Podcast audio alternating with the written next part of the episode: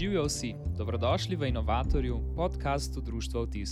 Sva Bojana In Alek, in v vsaki epizodi bova predstavila nova dognanja iz tujine, ki nastajajo pod taktirko slovenskih inovatork in inovatorjev.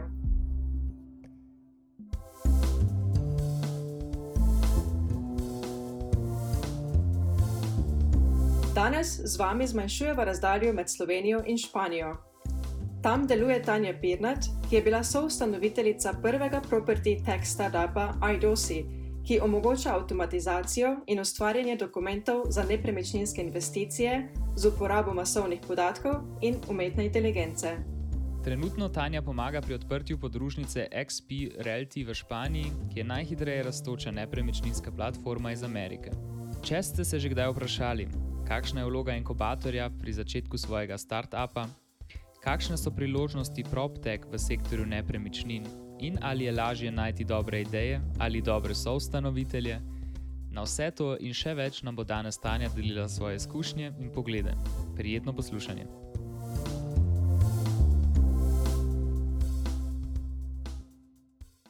Živijo v podkastu Inovator, moj ime je Alek in z mano je Bojana.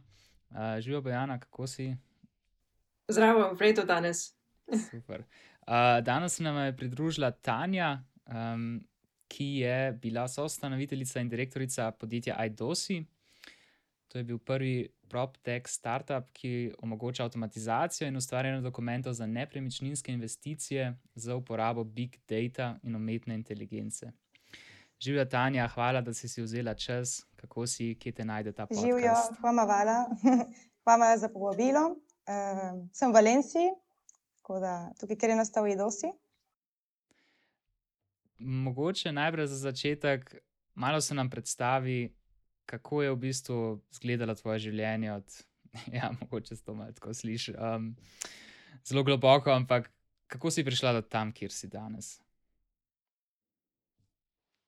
Začela sem študij na ekonomski fakulteti na Univerzi v Ljubljani, kjer sem šla na Erasmus izmenjavo v Valencijo, kjer sem se naučila špansko.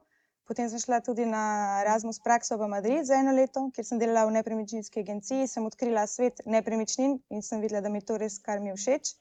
Uh, potem sem se odločila, da bom naredila magisterij v tujini in sem, naredila, sem študirala hotelski management na Univerzi Complutense v Madridu, kjer sem šla tekom študija tudi za, na Erasmus izmenjavo na Malto, kjer mi je bila zelo všeč, zato sem se odločila, da ostanem dlje časa in sem našla službo v kempinskem hotelu.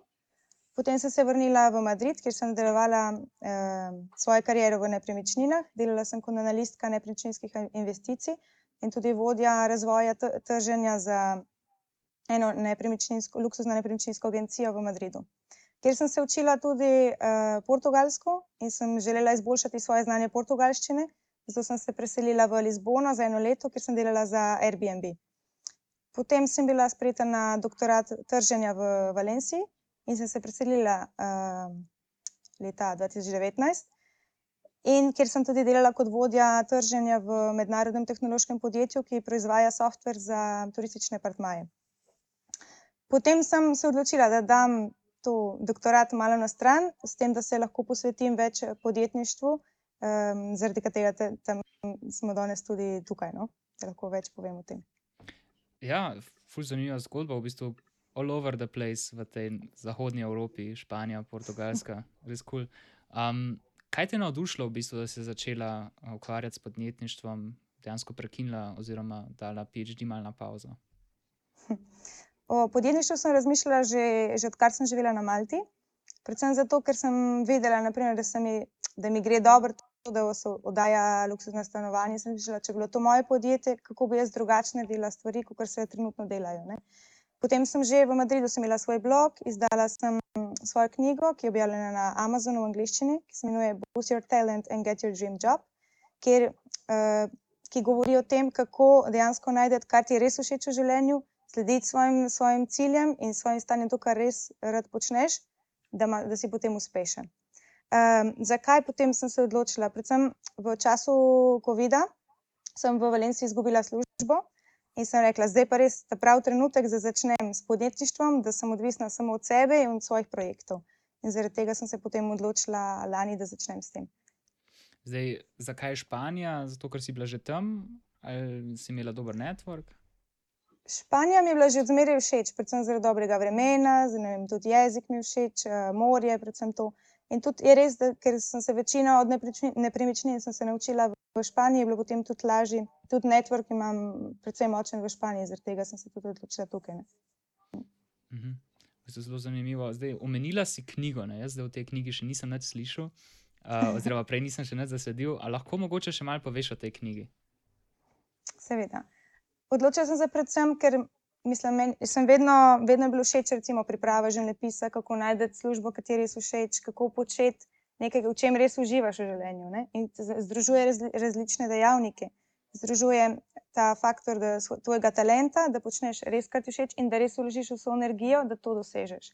Jaz poznam toliko ljudi, ki delajo v službah, ki jim sploh niso všeč, in, in so oni presenečeni, kako meni ni problema se preseliti v drugo državo, kako najti drugo službo. Dejansko jaz njih ne razumem, kako lahko delajo deset let v isti službi, ki jim ni všeč. Ne. Tako da dejansko probujem tudi narediti nek, kot neka inspiracija za mlade ljudi, predvsem ki še študirajo, ali pa tudi malo starejše, ki hočejo zamenjati svojo kariero. Ne? Ker nikoli ni, ni prepozno, da res najdeš nekaj, kar ti všeč.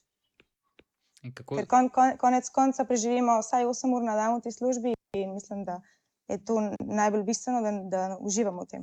Mm, sigurno, ja. Kako pa si v bistvu šla potem od tega, da okay, imaš idejo, hočeš pomagati ljudem, blog in tako naprej, do tega, da dejansko knjiga, ki se mi zdi, da je tak nek velik korak, ne, da napišeš celo knjigo, jo izdaš. Um, ja. Ker dejansko, če jaz dajem na svet, recimo svojim prijateljem, pa prijateljem od prijateljev, pa tako, ne prideš do iste skupine ljudi, kot ena knjiga, ki je veliko večja množica ljudi. Ne. Celo sem imela recimo kupce v Nemčiji, sem bila jaz mhm. osebno presenečena, ne, ker je sicer v angleščini, ker Amazon ne podpira slovenščine. Mogoče jo nekega dne pre, prevedem tudi v španščino, no, bomo videli. Ja. Predvsem Super. cilj knjige je pomagati, ne, pomagati. Mhm. Uh, Tanja, mene pa zanima, um, kako je prišlo od te ideje do podjetja. Um, se pravi, to je bilo okoli 2019, razloži nam malo, kako se je to začelo um, v bolj konkretne smernice premikati. Uh mhm. -huh. Kot sem omenila, sem v času COVID-a lani izgubila službo in potem sem gledala različno, različne opcije. Ne? In sem videla, da tukaj v Valenciji je, imenuje se bueno, kukr, inkubacija za, za start-up podjetja, ki se imenuje Demium ki je mednarodno, je po celi Španiji, tudi na Portugalskem, na Ukra v Ukrajini, v Grčiji, na Polskem in tako dalje. No. In ka kako oni delujejo?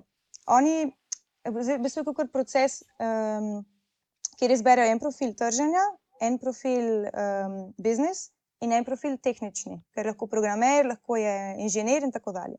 In potem se stavijo skupaj skupine in predstavijo različne probleme, in potem mi iščemo rešitev na to problemo, ki je dejansko um, ki je dejansko ideja podjetja. S tem, da jaz sem svojo idejo imela že odprej, ker prihajam iz uh, sektorja nepremičnin in sem videla, da se ta, vsi ti dokumenti za nepremičninske investicije pripravljajo ročno, kar je ve, zelo zamudno in traja veliko časa. Ne?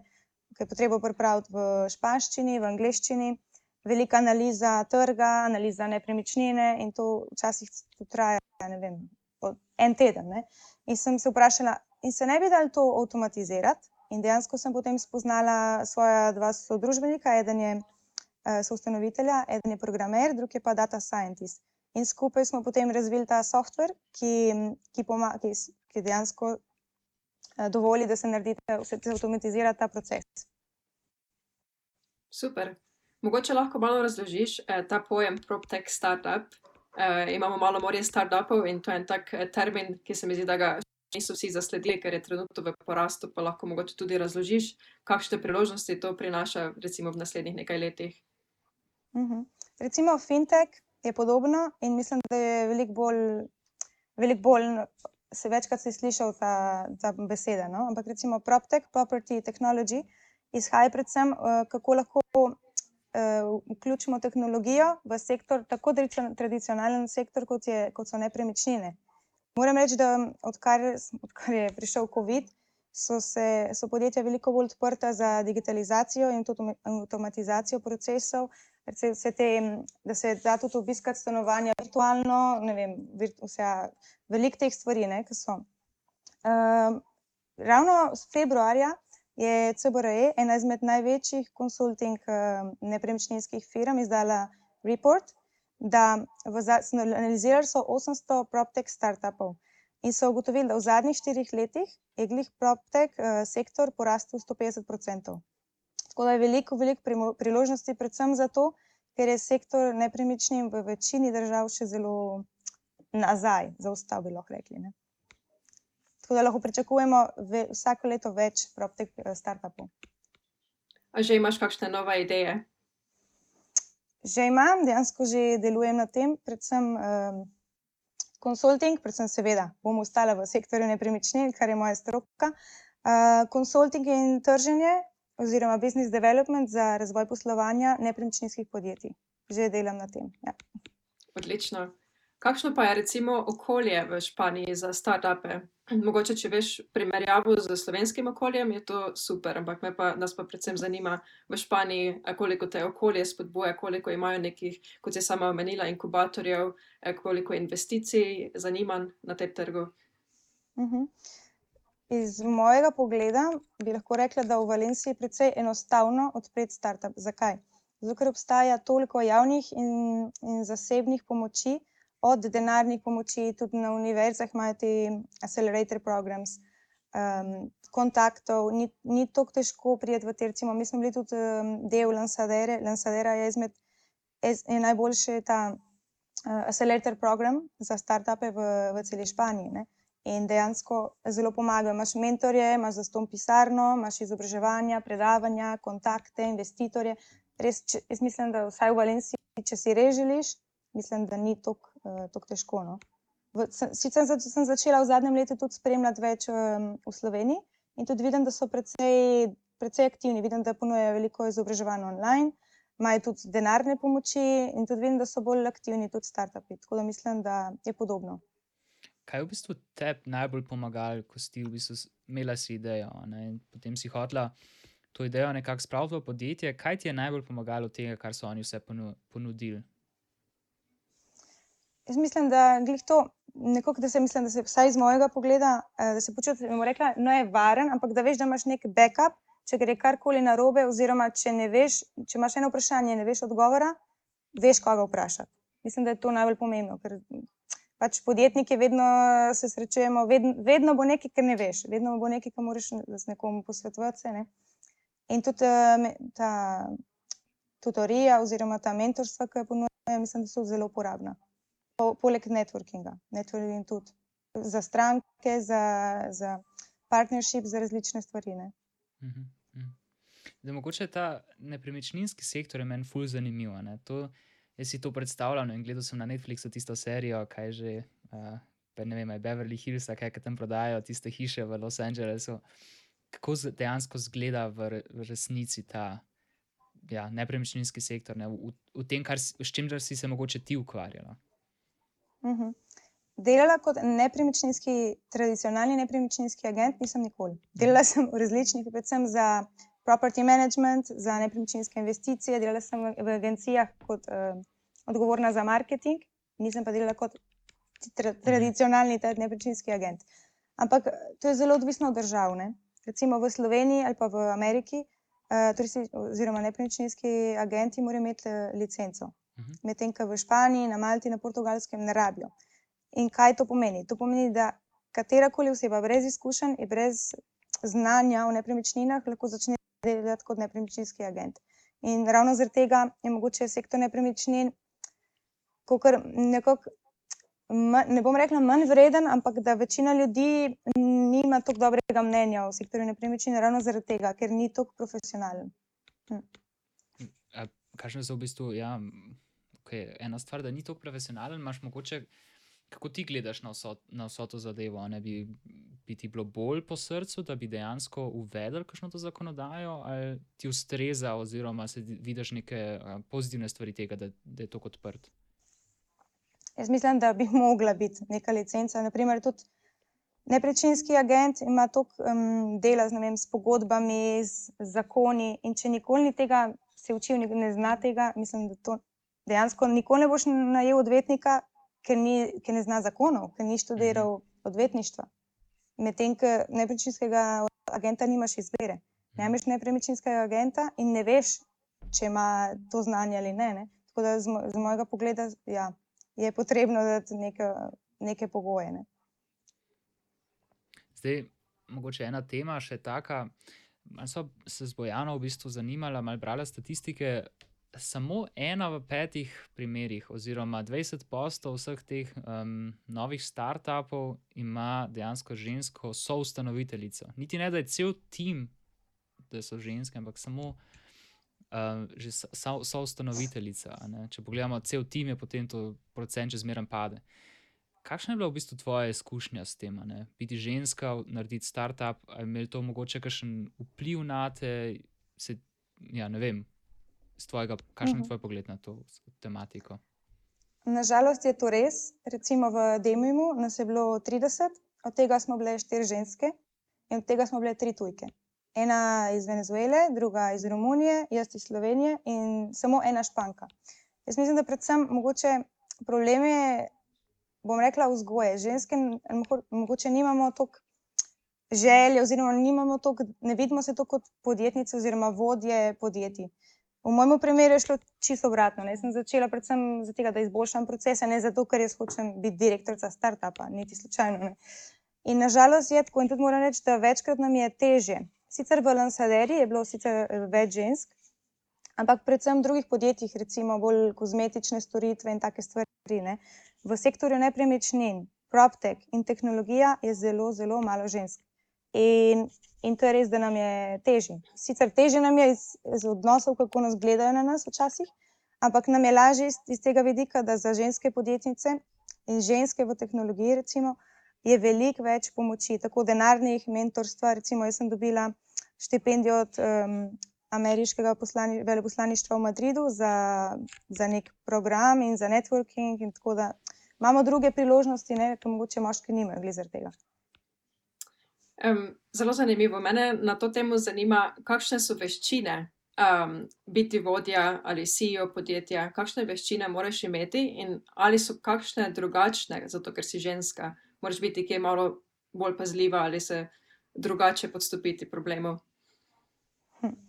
Pazljiva ne vem, ampak predvsem trdo kožo, potrpljenje, eh, veliko social skills.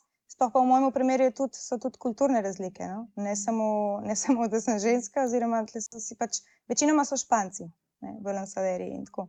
Um, drugač pa ja, potrpljenje in mislim, iz mojega vidika jaz jih obravnavam, ja, mislim, jaz čisto normalno obravnavam, kot da ni nobene razlike. Mislim, da če sam delaš razliko, je to najslabše. Mm. Ja, kako se ti pa recimo ravno ti programe, ki so posvečeni samo ženskam, zdijo z tega vidika. Ker včasih razmišljam, da ravno zato, ker imajo posebej program za ženske, v bistvu delajo neko ločnico, da so razlike med nami. Kakšen je tvoj pogled na to? Odvisno. Ne? Jaz sem sodelujem v, predvsej, recimo, tudi v, v društvu Women in Real Estate in Spain. Recimo, one se podpirajo. Zelo, zelo malo uh, ženskih v vodilnih pozicijah v nepremičninah v Španiji. Recimo, imamo svojo mentorico, ki je direktorica podjetja JLL, ki je ena izmed največjih konsulting podjetij na svetu. In mi si med sabo pomagamo. Ne. Mislim, da seveda včasih vidiš preveč, da so preveč, ampak ne vem, lahko bi bilo pač oboje. Ne. Ima lahko svoje pozitivne in negativne posledice. Ampak jaz mislim, da ženske se moramo med sabo podpirati, ker predvsem jaz mislim, da starejši moški, od, starejši od 50, vsaj v sektorju nepremičnin, da je veliko težje z njimi delati, kot z mlajšimi, z mlajšimi generacijami. Ne. Tako da mislim, da se mi zdi prav, da predvsem recimo moja mentorica mora biti tam nekaj stara, tako da verjetno je imela veliko težje in zato tudi ona hoče pomagati mlajšim, ne, da uspejo. Tako jaz, mislim, jaz podpiram te vrste programov, ampak seveda do neke meje, ne, da ne pridemo do nekih limitov, ki niso potrebni. Ti si v bistvu direktorica bila tega startupa, co-founder, direktor, v bistvu si vse v startupu. Ne? Kako se je spremenil tvoj life, ko si šla iz tega joba, ne? jaz delam za nekoga, imam svoje naloge, pokrivam neko področje, do tega, da si v bistvu ti direktor, direktorica, prosti. Mislim, luksus, ne? predvsem tega, ker se samo odločaš, kje boš delal, kdaj boš delal, danes delamo doma, ne, jutri bom imel sestanek, lahko delam v soboto, če hočem. Mislim, tako, če se prilagajaš strankam. Ne? ne bi imenovala, mislim, da v startupu direktor je preveč močna beseda. Pač so ustanoviteljica startupa, ker tako kot, kot si rekel, ne, pač v startupu vsi počnemo vse. Pač sem delala trženje, sem delala dizajn softverja, sem delala raziskavo trga, vse. Ne. Tako da, pač, glih to je, mislim, da prednost podjetništva, da si sam svoj šef. Ne. Čeprav odvisno, ne. če imaš ustanovitelja in če imaš investitorje, že nisi več sam, sam svoj šef, ampak moraš tudi uh, drugim pošiljati poročila, odgovarjati za določene stvari. Kako se v bistvu ti si iskala tudi po tem, oziroma v tem programu, ste se trije skupaj dobili, tudi sam dejansko startup narediti je kar težko. Kako, kako si ti videla ta proces iskanja um, v bistvu nekih co-founderjev? Mislim, da od vsega, kar obstaja, mislim, da je lažje najti idejo kot dobre co-founderje. Iz mojih izkušenj je to najbolj pomembno, najbolj pomembno s kom, s kom, ker si moraš res zaupati, res preživiš veliko ur skupaj, res mora biti različni profili, da vsak ni nujno, da, da smo si podobni. Ne? V bistvu je bolj, da smo vsi drugačni, da vsak svoje drugačne izkušnje in znanja noter. Ne? Ampak zna biti zelo, mislim, za naslednji startup, eh, ali bom sama, ali pa, pa čez. Res, mogoče z nekom, ki ga pozna, poznaš dlje časa. Ne? Recimo v Demjumu eh, je pozitivna stvar, ker če ne poznaš svojih co-founderjev, s katerimi bi lahko ustvaril en startup, um, ti jih oni predstavijo, spoznaš ljudi, po drugi strani ne, jih pa ne poznaš tako dobro, da ne veš, če bo to res delovalo. Ne. Tako da v primeru DMM-a veliko startupov propade ravno zaradi tega. Ne. Ja, sem, mislim, jaz sem tudi v enem akceleratorju, oziroma ne akcelerator programu, ampak ja, recimo v Skopu v Nemčiji. Ne, in tam prav vidiš, uh mhm. -huh. koliko enih stvari gre lahko na robe, čisi iz tega founder tima. Ne, sem že slišal zgodbe, ko so pa to so neka, neki študentski projekti, to sploh še ni resen biznis, ne? ampak so imeli neke dobre ideje za štartal. Pa se pa eno odloči, da gre vem, v tujino na, na izmenjavo, in potem se ne morajo zmeniti, ker se ne poznajo niti dosti dobro. In dejansko, na mestu, da bi pač rekel, ok, što pol leta ali pa mi delamo naprej, ti delaš remote, whatever, pride do tega, da se začnejo kregati, čigava je zdaj ideja, odvetniki pridejo, a veš, pa si misliš, sploh še niso v bistvu nič dosegli, pa se že zakomplicira do amena vse skupaj. Ne? Lahko pozabiš, karkoli je bilo prej. Uh mhm. -huh. res, res močno, močne zgodbe. To je res. Kako pa recimo Demiju? Pri Demiju se, se podpiše pogodba, ne? da če mhm. gre karkoli narobe, um, ta intelektualna lastnina ostane Demijumu, ne founderju. Hm. Aha, kako pa? Mhm. Mislim, wow, Ja. To, to je zdaj tako, mogoče tako. To, to me zdaj malo presenetilo. Dokler se, dokler se ne ustanovi ta DOO, pač to je pogoj, mislim, da je pač vrsta tega oddemljuma. Mislim, da to je dobro in slabo, zato ker če, ravno, če je konflikt, potem to prepreči, recimo, da ta programer odnese s sabo softver, čeprav ga ni naredil sam. Naprimer, uh -huh, uh -huh. Razumem. Ja. Želela sem vprašati, kako si ti um, se spoznala s svojimi co-founderji, so lastniki. Um, si mogoče ocenila karakter, um, kaj točno si gledala pri njih?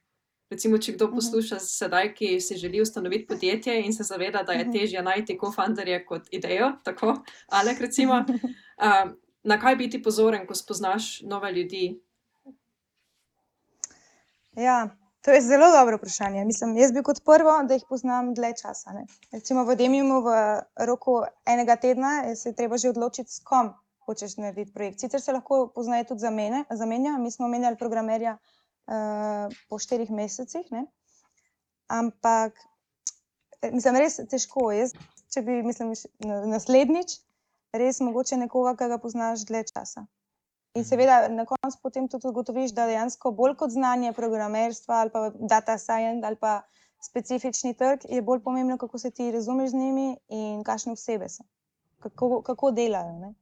kakšen je njihov način komuniciranja. In sploh pa vizija za prihodnost. Pri, pri nam v našem primeru je bil predvsem problem um, razlike, v, kako želimo, da naše podjetje napreduje. Ne? Recimo, da je bilo hitro ali. Um, bomo šli na ta trg, predvsem vizija podjetja, hmm. da imamo enake, enak, enako mišljenje. Ja, ne, če vsi delajo v vsako svojo smer, mal, pa da se to ne, ne skomunicira dobro, je kar zna biti hiter problem. Uh -huh. Mm. Ja, zdaj tudi startup, ne to ni zdaj, da bi 9 uh, to 5, verjetno. Ne. Kako, med, kako si ti uspela imeti nek dober like, uh, work-life balance, ali si imela dober work-life balance, ki si imela uh -huh. mogoče težave? Mislim, to je predvsem tricky. Ne? Zakaj? Zato, ker vedno imaš občutek, če bi zdaj še delal, namesto da, da se spočijem, verjetno bi lahko več dosegel, več strank, več trga, bolj bi šlo hit podjetje hit, hitreje, ne startup vedno imaš nek feeling tako zadnji, ampak se treba znati vzeti čas zase in se sprostiti, odklopiti, vsaj med vikendom. Valjda, če, če je potrebno včasih delati med vikendi, ni problem, ampak če pa to konstantno po večjih tednih, na koncu je že tako utrujen, da, da ni dobro, ne, ne za te, ne za podjetje. To tudi mogoče za vse te stvari so zelo relativne. Mogoče, če damo malo to bolj te um, ja, dejansko konkretne pojme, kako je izgledal ta tvoj um, teden. Naprimer, je bil to mhm. teden uh -huh. od 7 do 9 zvečer ali je bilo teden, ne vem. To, to gre po obdobjih. Ne? Recimo, mm. ko smo začeli raziskovati, če ta ideja v redu, sem imela ogromno sestankov z, z strokovnjaki iz, ne, iz nepremičnin, iz Barcelone, iz Madrida, v Valenciji, online, v pisarni. Ne? Takrat sem imela vem, po 8 enournih sestankov na dan, pa sem mogla narediti nek um, resumij, kaj smo se pogovarjali, kakšni so zaključki od tega, ne, takrat smo imeli precej, veliko ur. Potem, ko je bilo to že vse enkrat, smo sprejeli odločitev, kaj točno treba sprogramirati. Potem sem imela jaz bolj počitek, potem so vse to delo je padlo na njih, ne, da so oni začeli programirati, sem imela bolj na izi. In potem spet, ker bo začeti treba testirati software, spet se stanki s strankami in tako dalje. Ne. Tako da ni vedno vsak teden isti. Ne zelo dinamične. Poleg tega v startupih se vsak dan odločitve lahko spremenjajo dnevno. Ideje, produkti, software, vse. Kako se ti pa zdi um, iz tvojega vidika, kakšen format startupa se ti zdi boljši, ker recimo z vidika investitorjev uh, imamo nekaj startupov, ki so dovolj uh, nizko cenovni, če se lahko tako izrazim, da jih začneš sam, medtem ko na drugi strani imaš startupe, še posebej te, ki Eh, vsebujejo elemente umetne inteligence, kjer potrebuješ zunanje investitorje. Če narediš eno primerjavo, kako je tvoj startup izgledal? Uh mhm. -huh. Recimo, um, del pogodbe v Demiju je tudi, da oni ponujajo, da program traja šest mesecev ne? in na koncu, oziroma lahko že prej, uh, je potrebno iti na investicijsko rundo. Ne? In seveda, oni investirajo v tehnološka podjetja. Recimo, če je to valjda, mora biti um, scalable, da se pravi, da gre lahko v večje države, da lahko hitro raste. Ne? Seveda, zdaj, če ni potrebna tehnologija, seveda, jaz ne svetujem, da se gre na, na investicijsko rundo. Ne? V primeru pa bolj tehnoloških podjetij, včasih je nujno potrebno, recimo, uh, en projekt, ki je v Lansaderi. Oni izdelujejo baletne copatke, ampak ročno, oziroma izdelane na drugačen način, ki ne, ne, ne poškodujejo noge, ne, baletnih plesalk. Oni rabijo investicijo. Oni samo te, kupijo te naprave in so proizvodne, rabijo ogromno investicijo. Recimo, oni nimajo izbire. Medtem, ker recimo v našem primeru, ker je to, da smo imeli vse notranjo, pač jaz kot analistka nepremičninskih investicij, data scientist in programer smo imeli vse notri, dejansko ne bi rabili investicije. Ne. Sicer, če bi imeli investicijo, bi podjetje veliko hitreje raslo ampak uh, tudi drugače bi šlo, ne, ker imamo profile, ki jih rabimo. Uh -huh. Uh -huh. Um, ja, ti v bistvu, kar me zelo, kar me je presenetilo, ampak ti v bistvu, ok, si vodila podjetje, potem si pa tudi slikala in izdelovala na kit. Kako, si, kako ti je rad čas najdete za vse to? To so take zelo. Ja. Slikanje in ročna in vse dizajn, to je moj hobi. To ni moj čas. Ja, da, da se odklopim, da odklopim od monitorja, od interneta, od računalnika, pač, da lahko počneš nekaj drugega, da pozabiš, ne? da greš v drug svet. Predvsem je moj hobi. Mm -hmm. V bistvu uživaš dejansko, kad to delaš, dejansko še lahko odklopiš. Se to je kar problem, ne COVID. Ne? Um, je te pratalo odklopiti med COVID-om? Ali se ti je, se ti je zboljšal work-life balance ali se, se ti je poslabšal? v bistvu prej sem delala, ne? sem mogla iti vsak dan v pisarno, potem v času COVID-a, točno eno leto nazaj, marca, aprila, v Španiji je bilo veliko hujš kot v Sloveniji, mi smo bili zaprti nismo smeli niti na sprehod, smo bili dobesedno sedem tednov zaprti v hišah, lahko smo, smo šli samo enkrat, dvakrat na teden v trgovino, se pravi, bilo zelo, zelo težko, sedem dolgih tednov smo imeli. Tako da prve dva tedna sem še delala, zato se je spremenil, meni je bilo bolj delati od doma. Potem pa nisem več delala, ker smo odpustili, ker so zaprli podjetje zaradi COVID-a in sem začela delati na svojem projektu. Tako da za me je bilo boljše v tem primeru. Predvsem je bil nek, nek da te porine, ok, zdaj pa res čas, da spremenim nekaj. Ne? V bistvu taka malce spodbuda po eni strani. Točno ne. tako, ja. Ja. Mogoče zaključno vprašanje, ne vem, Bojana, imaš še ti um, kakšno vprašanje, preden greva na to? Ja, um, v bistvu vse lahko je tudi zaključno, ampak zanima me predvsem nek learnings oziroma neki nasvet, ki bi dala ostalim, ne samo ženskam, ampak vsem, ki se mogoče spogledujejo s to idejo um, startupa, um, kaj bi jim podala, kakšen nasvet. Mhm. Predvsem, da je najpomembnejša ekipa, bolj kot, bolj kot ideja. Sicer ideja je seveda zelo pomembna. Uh, v startupih je potrebno iti zelo hiter, ne rabiš imeti popolnega produkta, storitve. Treba iti čim hitrejši na trg in čim hitrejši MVP sprobati, če to res deluje ali ne. In če ne deluje, pač videti, ali se da malo spremeniti in spremeniti ta software ali pa karkoli, produkt, storitev, ali je treba čist nekaj drugega. Ne. In če za to porabiš štiri mesece in ne, ne deluje, si izgubil štiri mesece. Če to narediš v dveh tednih, si veliko pridobil. Ne. Tako da v startupih je potrebno biti hiter, uh, imeti dobre kontakte, networking in nikoli upati. Tokrat nam bodo rekli ne, ampak enkrat vam bodo rekli ja. Tako da, ustrajati. Odlično. Super zaključna misel, Tanja. Um, ja, res hvala lepa za tale super insightful podcast. Um, jaz ti želim vse najboljše uh, v prihodnjem. a ne. Upam, da se ti, da tudi z ekipo najdeš, da najdeš ta pravo ekipo. Kot si povedala, ekipa je najpomembnejša stvar. Hvala vama za povabilo, res in smo v kontaktu, karkoli, sem na, na voljo. Hvala. Čau. Hvala, Dio.